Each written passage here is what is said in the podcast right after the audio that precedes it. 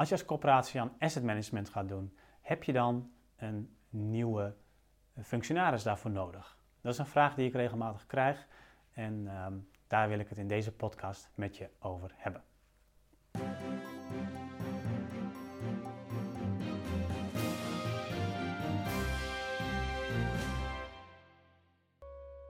Om eerst maar even antwoord te geven op de vraag. Ik denk, ja, dat kan. Je kunt dat als eh, nieuwe functionaris zien. Ehm, en het is daarbij in ieder geval belangrijk dat het een generalist is. Uh, een asset manager die moet kijken naar zowel de financiële kant van de woningen als de technische kant van de woningen, als de bewonerskant van de woningen en het woongenot van die bewoners, uh, verhuurbaarheid. En hij moet dat bij elkaar kunnen brengen. Dus dat betekent dat het echt een generalist moet zijn. En in die zin kan het soms zinvol zijn om daar ook een, uh, een hele nieuwe rol, of een hele, niet alleen een rol, maar ook een hele nieuwe functie van te maken, die ook iemand gaat invullen, die ook echt zo'n generalist is. Nou, dat gezegd hebbende, um, kun je dat natuurlijk ook op andere manieren oplossen. Op het moment dat je in ieder geval maar weet dat je een uh, generalistische kijk nodig hebt als asset manager, omdat je al die verschillende invalshoeken samen moet kunnen brengen. Als, je dat, als je daarvan goed doordrongen bent, dan kun je dat als coöperatie ook op een andere manier organiseren. Um, een paar voorbeelden. een coöperatie, een, een ja, kleine, middelgrote coöperatie, die, um, die heeft geen asset manager uh, aangenomen, maar wel de rol van asset manager gegeven aan twee van de projectleiders. Waarbij het zo is dat de projectleider in, het, in de ene helft van het werkgebied is asset manager voor de andere helft van het werkgebied. En andersom, zo houden ze elkaar ook scherp. En uh, dat zijn natuurlijk mensen die komen vanuit de techniek, want dat zijn projectleiders voor zaken als groot onderhoud en, en nieuwbouw, et cetera. Um, en daar is het natuurlijk wel van belang dat die mensen goed geschoold worden op het, technisch, op, sorry, op het financiële vlak en natuurlijk op het vlak van verhuurbaarheid en hoe, hoe kun je inspelen op wensen van bewoners in de markt. Dus zolang je daar maar bewust van bent, dan, dan kan dat een hele goede oplossing zijn voor jou als coöperatie.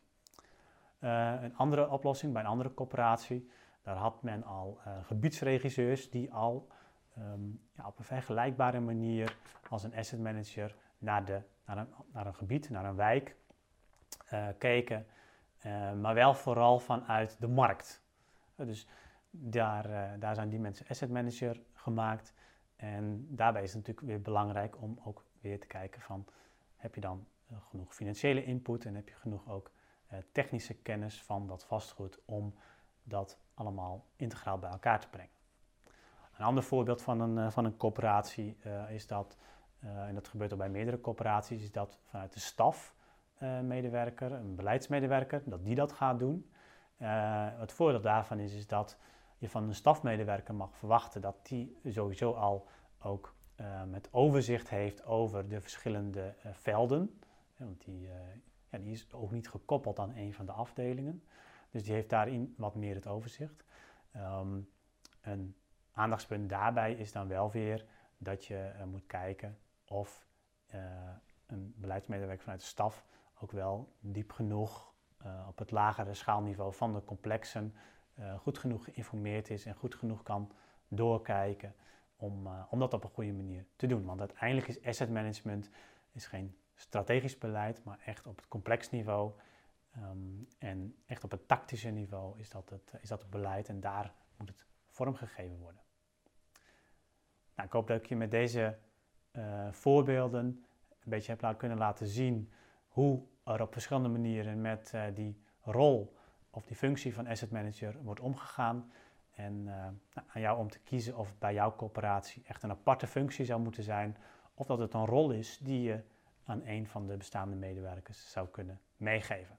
En als je voor het laatste kiest, dan is het uiteraard van belang om dus uh, oog te hebben voor ja, wat iemand, hè, wat, wat eigenlijk iemands achtergrond is en wat er dan in dat generalistische plaatje uh, van bij elkaar brengen van financiën, bewoners en techniek nog ontbreekt en uh, waar je dus in trainingen, maar waar je sowieso in je dagelijkse werk aandacht voor moet blijven hebben. Bedankt voor het luisteren naar deze podcast. Wil je nieuwe afleveringen ontvangen? Abonneer je dan op deze podcast. En kijk ook eens op onze website corporatiestratege.nl voor meer praktische tips en downloads die jouw werk als coöperatiestratege makkelijker maken.